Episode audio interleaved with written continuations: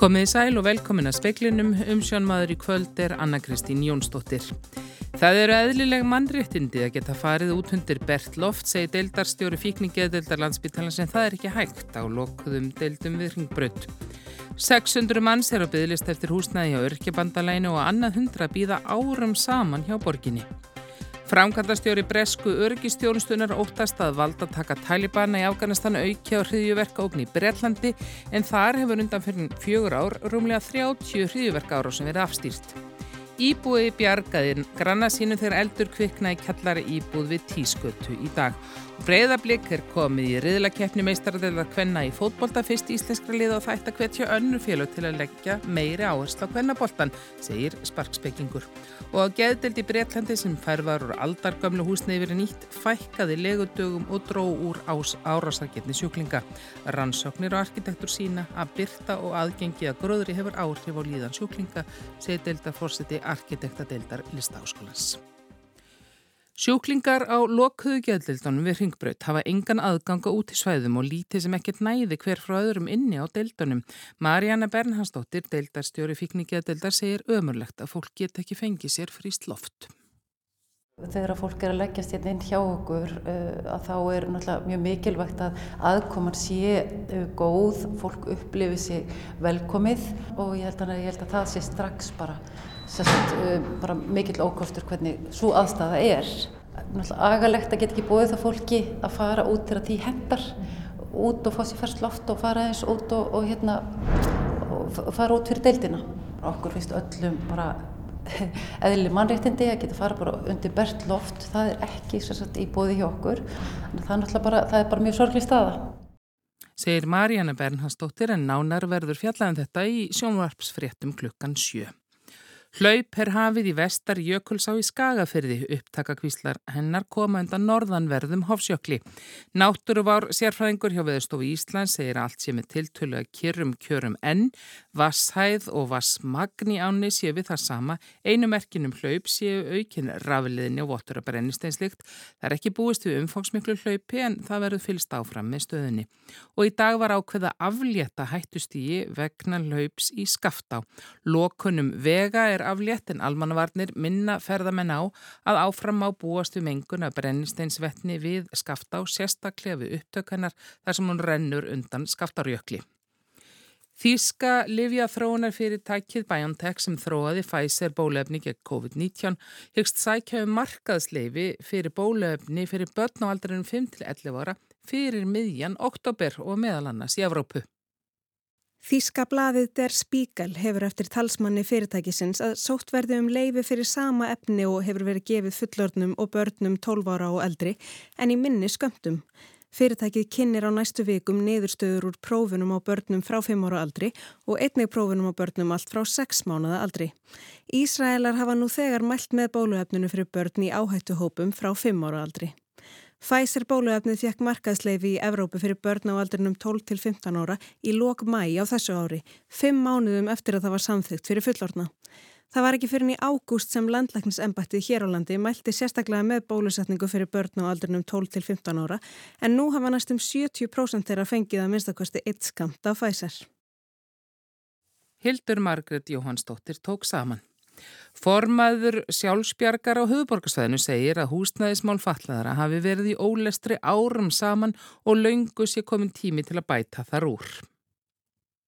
Á annað hundrað fallaðra býða eftir húsnæðisúræðum hjá Reykjavíkurborg hafa um 40 mann spiðið í 5 ár eftir hendugu húsnæði samkvæmt greinargerð flokksfólksins sem lögð hefur verið fram í borgarstjórn.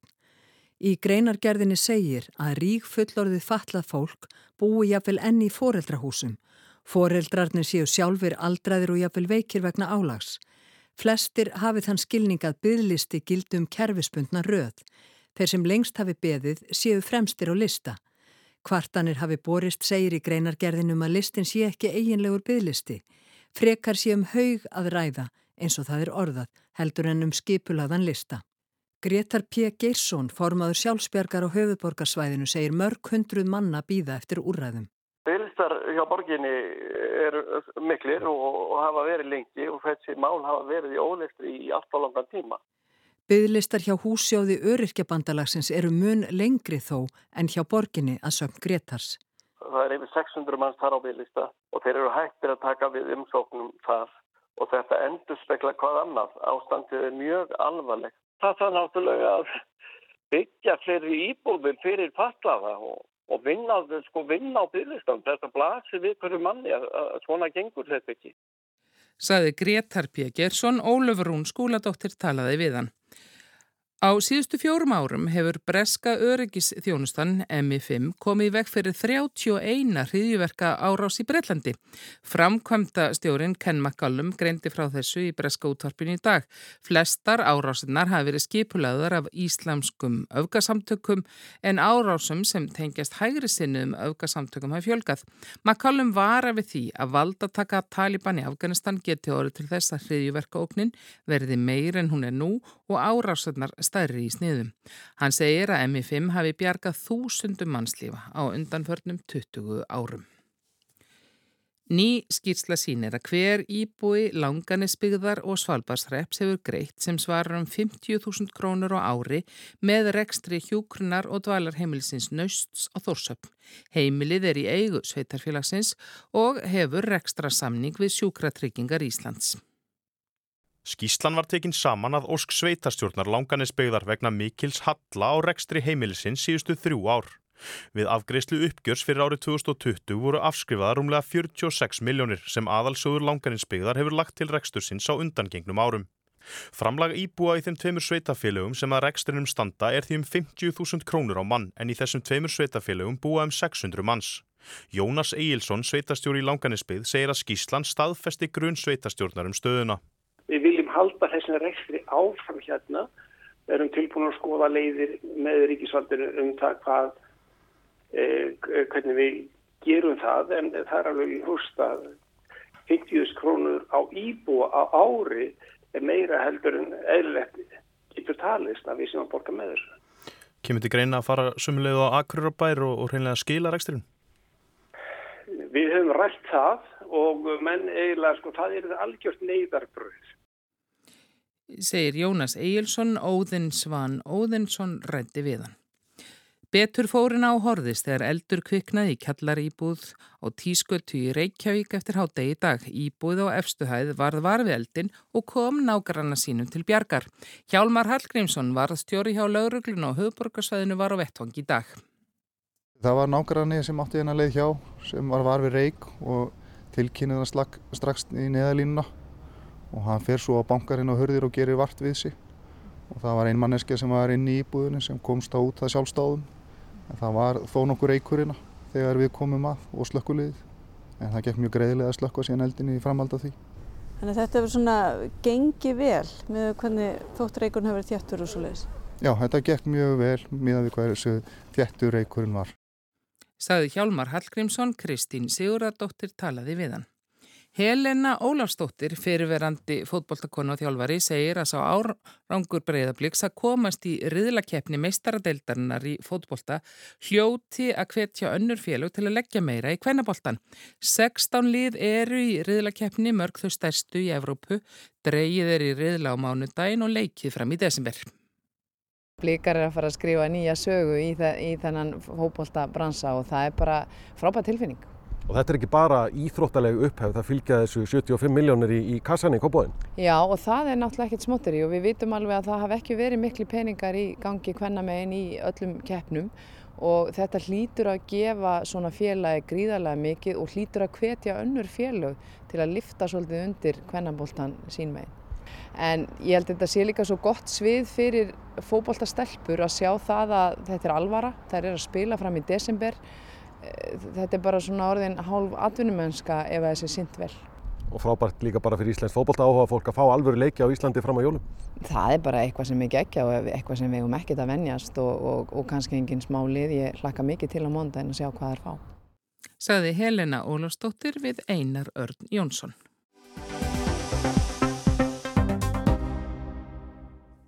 Arkitektur, litaval og umhverfi getur haft raunveruleg og mælanlega áhrif á geðhelsu fólks. Á geðdeild í Bræton í Breitlandi fækkaði legudögum um 14% eftir að deildin var flutt úr aldargömlu húsnaði í nýtt hús með einstaklingsherbergjum og góðu aðgengi náttúru. Geðrófs gulur er nýjirði sem að flestir heyrðu í fyrsta sinn í fréttum í gerkvöld.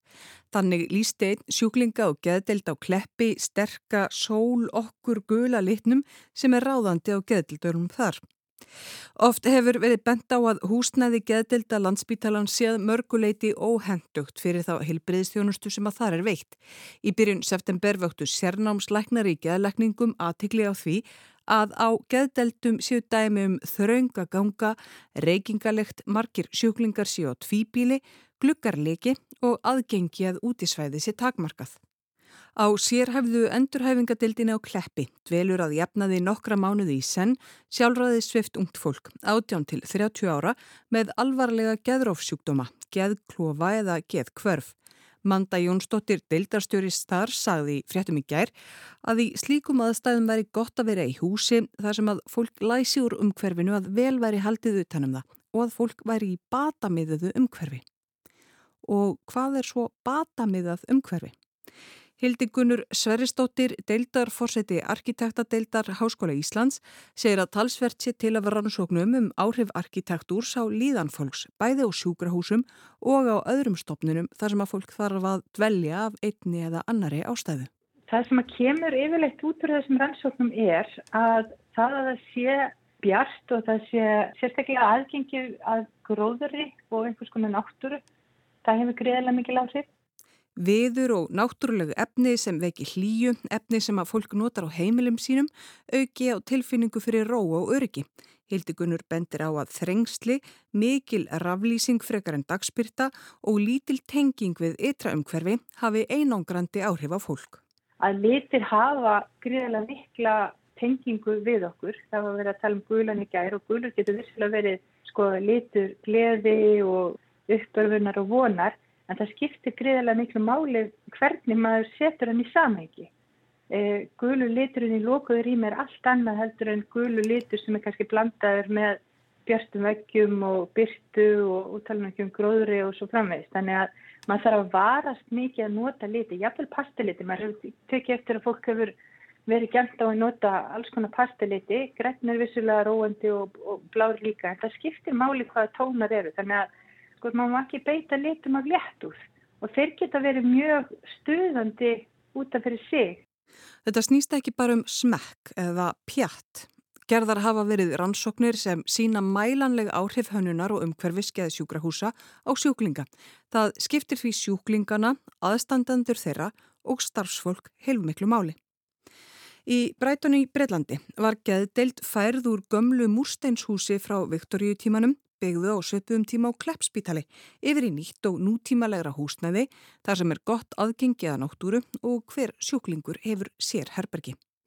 Rannsók síndi að legudögum sjúklinga fækkaðum 14%. Ánægja sjúklinga með heilbreyði starfsfólkið jógst, sjúklingar veittust mun sjaldnar að starfsfólki, hvort sem var með ógnunum eða orðbræði og sjúklingar voru sjaldnar settir í sérstaka öryggiskeslu. Hildikunur Sveristóttir bendir á að nú sé kannski önnur afstæða til sjúkrahúsa og sjúkrahúsmenningar en upp úr 1970 þegar húsnæði geðdeldana við ringbraut var byggt er viðhörfu okkar að setja manneskir inn á stopnun, hvernig eru við þá að upplifa þessi stopnun, hvað er þessi stopnun í okkar huga sem sko samfélags, er þetta staður sem þarf að vera fyrst og fremst auðvelt að þrýfa og fólk rennur þarna í gegn og við viljum sem minnst tengja við einstaklingina, þetta verður kannski meira svona eins og maskína, slastlagt eða stálagt, yfirborð og annað stíkt. Þess áttar umhverfi er ekki sérlega uppbyggilegt fyrir mannesku, svona færibanda umhverfi er ekki mjög mannesku vænt, getur maður sagt, og sérstaklega ekki fyrir fólk sem er kannski í svona veikum persónlegum aðstæðan. En hvernig upplifir Hildi Gunnur sem arkitekt geðdeldir landsbítalans eða það sem hún hefur séð til þeirra? Byrjum á kleppi úr fréttunum í gerkvöld. Sko, auðvitað er þetta vissuleiti svolítið sláandi.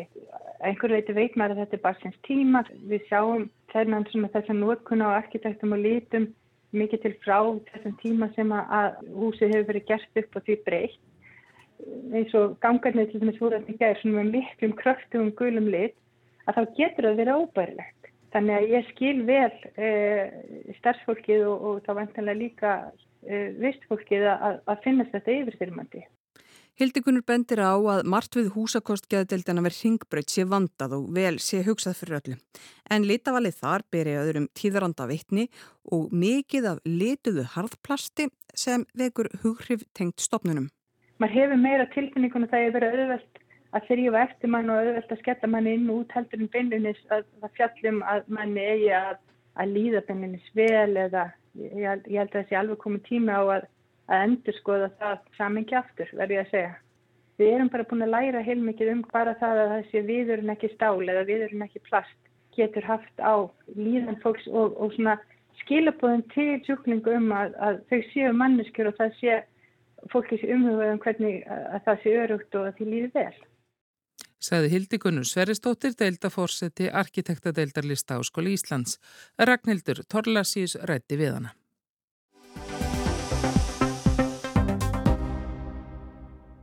Íslenska kostningaransóknin er heilmikið apparat. Áratugum saman hefur þar verið könnuð kostninga og stjórnmálahegðun íslenskra kjósenda, afstæða þeirra til stjórnmálaflokka, líðræðis og mikilvægustu verkefna stjórnmáluna, svo nokkuð sér nefnd.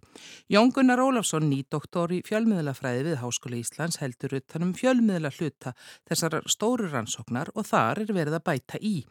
Alveg framakostningum er til dæmi spurt í daglegum mælingum hvaða miðil fólk notaði mest síðan síðasta sólaringin og hvort það hefði tekið þátt í umræðum um innlend stjórnmál á samfélagsmiðlum. Ég hef verið að þróa spurningar um fjölmiðla og svona upplýsingamiðlun og þá inni í rauninni líka uh, kannanirnar sem eru sendar út eftir kostningar en ekki síst núna í þessa kostningabaróttu kannun vegna þess að við þetta fáum fyrst og fremst upplýsingar um stjórnmál í gegnum fjölmila og þá er óbúslega mikilvægt að fylgjast með því hvaða miðla fólk er að nota og svona hvernig það er að ræða um stjórnmál. Hvaða fjölmjöla fólk er að nota en svo eru náttúrulega flokkarnir líka að meta það hvert er eiga beina sínum kröftum og hvað er að telja gjöfulstu miðin? Jú, það má í rauninni kannski skipta þessu annarsvegar í þá uh, hvernig uh, flokkarnir sjálfur er að reyna miðla upplýsingum, þá annarsvegar með auglýsingum og svo eru þeir auðvitað rosalega mikið að nota samfélagsmiðla líka sérmaður núna. En ef við skoðum svona hvað miðla fólk er að nota að þá erum við með í þessari daglegu könnun þá spyrjum við hvaða miðil fólk notaði mest síðastlegin sólaring og fyrir fólk svona sem að hefur aðeins kynnt sér íslenska fjölmilamarkaðin að þá ætti kannski ekki að koma óvart að Það eru lang flestir að nota frétta síður á netinu mest eh, í kringum 50%. Þar á eftir kemur sjónvarpið í kringum 20% og svo útvarp og samfélagsmiðlar og það eru fæstir í raunin að nota dagblöðin mest. Á fréttasíðunum er mikið um pólitíska rauglisingar og þetta kanna stjórnmálaflokkarnir notkunna. Jón Gunnar segir áhugavert að sjá nú það sem kalla mætti blöndun á miðlunum. Fréttasíðunar á netinu Við sjáum það til dæmis núna í kostningabarátunni að þær eru með sína eigin umræðu þætti. Þannig að það eru komnir eiginlega svona hálfpartin sjónvastættir innan gæsalappa á þessum eh, netsíðum og eins á samfélagsmiðlunum að þá eru þetta mjög mikið verið að dreifa bæði upplýsingum úr sjónvastáttum og fleiru. Þannig að þetta er að verða svona, svona hálfgerður hrærigrautur og þetta er bara eitthvað sem við sjáum líka gerast erlendis en Við meðum samt ekki gera of mikið úr þessu að því litinu til að frétta síður á netinu og þessi breyting sem er að eiga sér staði upplýsingamilun, þetta er samt breyting að því litinu til að þetta er svona stanslaus upplýsingamilun allan daginn. Og rannsóknir sína það að fólk er þá mjög ofta eh, sér fyrirsagnir, er ekki endilega að kafa mjög djúft í umfjöllununa þannig að fólk er kannski að fá upplýsingar á annan hátt í dag en það gerði þegar að það var meira að fylgjast með kannski útvarpi og sjónvarpi. Það er oft talað um það að stjórnmálumræða sé að hafa færst inn á netið og þar, hérna, hún færi meira fram þar og við könnumst öll líka við ekki bara í stjórnmálumræðu heldur svona almennileg þjóðfélagsumræðu við kannski frasan að netið logar, stafna á milli. Getið þið lagt eitthvað mataðu hversu margir það eru sem er að taka þátt í þeirri umræðu?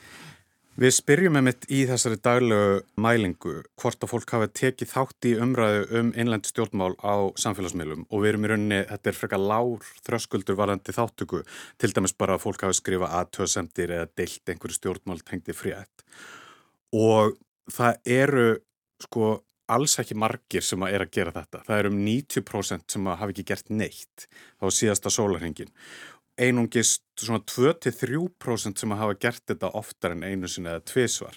Þannig að þetta er í rauninni mjög lítill hluti og ef að ég vísi í svona eldri rannsóknir sem ég var að gera í minni doktorsansókn að þá var ég að skoða líka, það er rauninni miklu fleiri sem að ræða stjórnmálatengta fréttir við vini og kunningja svona í raunheimum frekar en á samfélagsmiðlum. Og það getur verið þetta ímsara ástæði fyrir því. Fólk vil kannski ekki ofinbera skoðanir sínar á samfélagsmiðlum og fleira. Þannig að allavega rannsóknir sína það að þetta er í rauninni ekki mjög stór hópur sem að er að taka þátt í stjórnmála umfjöllun á samfélagsmiðlum og þetta er mjög margilegas bara sem er að nota samfélagsmiðla bara til að skemta sér og frekar hann að vera endilega að ræða einhver djúb líðræðisleg stjórnmálatengt málefni. Er við þá ofmeta þátt netsins í þessari umræðu eða er þetta kannski bara hér er byrtingabindi núna, áður var það kannski einhverstar annars þar í bladagreinum í, í ja, skrifum með, með greinum í blöðin og annars líkt sem voru kannski ennþá færri sem tóku þátt í henni? Já, það eru þetta mjög erfitt að meta það vegna þess að ef við skoðum hversu margir er að sjá þessar upplýsingar að þá eru það mjög margir. Þannig að umræðan á sér svo sannlega staðaðna og mjög margir eru að taka þátt í henni innan gæsalappa með því að fylgjast með og það eru þetta í rauninni hver sem er getur tekið þátt, þannig séð. Þannig að það er kannski einhverju leiti breyting. Misvísandi eða rángar upplýsingar og jafnvel falsfrettir sem miðlaðir á netinu og beintað skilgreindum hópum hefur verið talin stóra grílan og ógnin í pólitískri miðlun á netinu undanfarin misser og ár. Þetta er þetta sko ofnotaðasti frasi í íslensku pólitíka að hérna, vika er langur tími í pólitík og vika er svo sannlega langur tími í kostningabaróttu þannig að þetta Það voru áhugavert að fylgjast með þessu þegar nær dregur kostningum en nú þegar sjáum við það að það eru svona tæp 20% sem að sögust hafa séður ángar eða misisandi upplýsingar á samfélagsmiðlum þá síðastlegin sólarhing og þar erum við líka að spyrjum tiltekna miðla og þar er Facebook lang uh, svona mest ábyrrandi En þegar fólk segist að það séð misvísandi upplýsingar, hvernig, hvaða mat er það að leggja á þær? Hver er mælistikan í því? Já, það getur auðvitað verið bara ímiskonar, en við spyrjum sagt, annars vegar um rángar eða misvísandi upplýsingar og svo hins vegar um nafnlausan áróður sem er þá kannski svona aðeins skýrara og svörin þarna eru mjög keimlík, það eru eilíti færri sem að tala um nafnlausa áróðurinn sem er hafað séð með að við rángar eða misvísandi upplýsingar af því maður getur svona ímynda sér að einhverju sem eru mjög heitir í sinni afstöðu telji allt það sem kemur frá anstæðinguðar í politík vera misvísandi upplýsingar. Akkurat, akkurat og þess vegna er mikilvægt að, að tala um líka nafnlusun áróður held ég þegar maður er að, að, að rannsaka þetta en ef maður spyr fólk beint um falsfrettir þá getur fólk auðvitað líka lagt mjög ólíka Svona, já, mjög ólíkar hugmyndir um hvað fólk telur þær vera. En það er náttúrulega líka viss stígandi í þessu öllu saman og þið ætlaði að fylgjast með þessu alveg fram á kjördag sem er nú bara á næsta leiti. Heldur betur og svo ætlum við líka að senda út kannanir eftir kostningarnar þar sem að fólk þá er að svara fyrir kostningabaratuna í heilt. Saði Jón Gunnar Ólafsson. Breski íhaldsflokkurinn hefur lengi verið leiðarljós íhaldsmanna viðum heim, lágir skattar, veiga mikil þáttur í breskri íhaldstefnu. Með bóðuðum skattahækkunum verða skattar í Breitlandi þeir hæstu á friðar tímum og þá er spurt hvað sé verða um breska íhaldstefnu. Stöðningsmenn ríkistjórnarna segja að íhaldstefna hafi alltaf enginst á haxinu og þá einni nú, en kannski þekki kjósendur ekki lengur munin á síkildri hægri og vinst vinstri stefnu stjórnmálana. Engavæðing og minni ríkisumsvið var intakið í íhjálpstefnu Margaret Thatchers leiðtóa breska íhjálpsflokksinn sem var fórsatsráðara á áronum 1979 til 1990. Heyrum hér eina frægustu setningu Thatchers og eina frægustu setningu í breskum stjórnmálum 20. aldar. The ladies not for turning. Frúin, hún sjálf, væri ekki mikið gefin fyrir viðsnúning hennar stefna var að hluta að gefa aldrei eftir eins og hún gaf í skinn þarna á flokksingi íhersflokksins 1980. Ári eftir hún varð fórsætsráþara. Í stjórnantíð Thatchers lækkaði tekjuskattur umtalsvert og trú á lága skatta því gerðnan talin arleiðennar þó hún hafi reyndar hækkað virðisauka skatt svo ummunnaði. Nokkur kaltæðni örlagana að nýr sveitastjórnarskattur sem hún kom á átti sinn þátt í fallenar. Hún hjælt of stíft í þennan óvinnsæla skatt. Það hafði alltaf allt gengið upp hjá henni, hún ófús í kúvendingu, þó skatturum væri óvinnsæl. Einn frægasta breska frettamynd allra tíma er myndin af jafnfrúni, eins og hún var kölluð, heldur beigðri, á leiðinni úr dánistræti að verða fyrverandi fórsatsáþurra en hún skildi eftir meittlaða stefnu yngarekstrar, lára skatta og sem minstra ríkisumsuga. Stjarnar Thatcher skín enn skært meðal íhalsmanna við um heim og einni á Íslandi á Thatcher sína aðdándur. Í breska íhalsloknum hefur hún nánast verið í guðatölu og er enn. Sajid Javid sem var fjármálaráþara í upphafi ríkistjórna Johnsons, nú heilbriðsráþara, sagði í viðtali nýlega að já, hann væri með mynda Thatcher á skrifstofunni. Thatcher aðdándin Javid sagði að þó nýtt frum varp sem Boris Johnson fórsætsráð þeirra kynnti þegar þingi kom saman nú í september fæli í sér skattahækkun var það alveg í hennar anda. Hún mat árangur og skattahækkanir ættu meðal annars að stitta byðlista heilbriðskerfisins eftir COVID og leysa fjármögnunar vanda í umönun eldriborgara. Skattar til góðra verka eru því að vinna góða, saði Javid. We are still a low tax country after this change, and we will always remain a low tax country. But we are also a responsible conservative government that believes passionately in the NHS. Breitland er enn láskattaland en ábyrgríkistjórn íhjálpsflokksins trúir heitt á hilbriðskerfið, saði Javid. Nýtti á að þráttur í skattahækkani nú væri skattheimta sem hlutvall af landsframleiðslu læri enn í Fraklandi, Þískalandi og Ítalju og já, íhjálpsflokkurinn enn flokkur Margaret Thatchers. Aðrir efast telja skattahækkanir Johnsons ekki aðeins frávig frá íhjálpsstefnu Thatchers heldur algjört frákvarf þó hlutfall skattavergri landsframleiðslu sé læra í Bretland en í nákvæmlandunum verður það meðhátt í bresku samhengi með áalluðum hækkunum. Frá því Boris Johnson varð fórsætsráð þeirra sömari 2019 hafa menn velt fyrir sér hvort hann myndi móta einhvers konar stefnu, einhvern isma, hvort til yrði Johnsonismi. Í skjólina blindar segja Vinnie Johnson skjarnan að hann hugsi fyrst og fremst um persónlegar vinsældir sínar. Hann elski að vera vinsæl. Með hliðsjón á því og framgangi fórsætsráð þeirra er ljóst að hann er ósmeikur við eðslu eins og bóðuð skattaækkun sínir en hann þykir góður í að skinja hvað fólk vill. Stefna hans sé, fyrst og fremst, hendistefna. Stefna eða hendistefna þá vekur skattahækkun áhyggjur í íhalsfloknum. Eðsla er auðveldi hlutin að eða viturlega er miklu erfiðara. Vitleg eðsla sprettur af nýri sín á hvernig fjö nýtist best í viðbót við vakstarskapandi stefnu, hvorugt þykir í auksín í kringum Johnson eins og er. En það er ekki aðeins að stefna íhalsflokksins þykji óskýr og óklár. Verkamannaflokkurinn undir fórustu Kýr Starmers glýmur við það sama.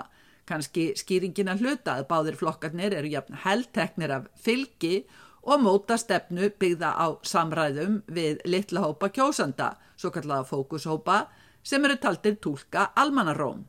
Súnálgun þurkar út stefnufestu og hugmyndafræði fyrir tíma, tíma þegar flestir kjósendur vissu hvað var hægri og hvað var vinstri, sem þeir huglega kannski líka síður nú en áður því viðmið kjósenda verðist í vaksandi mæli vera hvað þeir fái sjálfur út úr ofinberum aðgerðum. Því hefur lengi verið spáð að skiptingin í hægri og vinstri væri að líðundi lok, Ef hægri og vinstri tvíhekjan er í andarslitrunum þá er hendistefna kannski kjósendavætni en hátimbruð hugmyndafræði.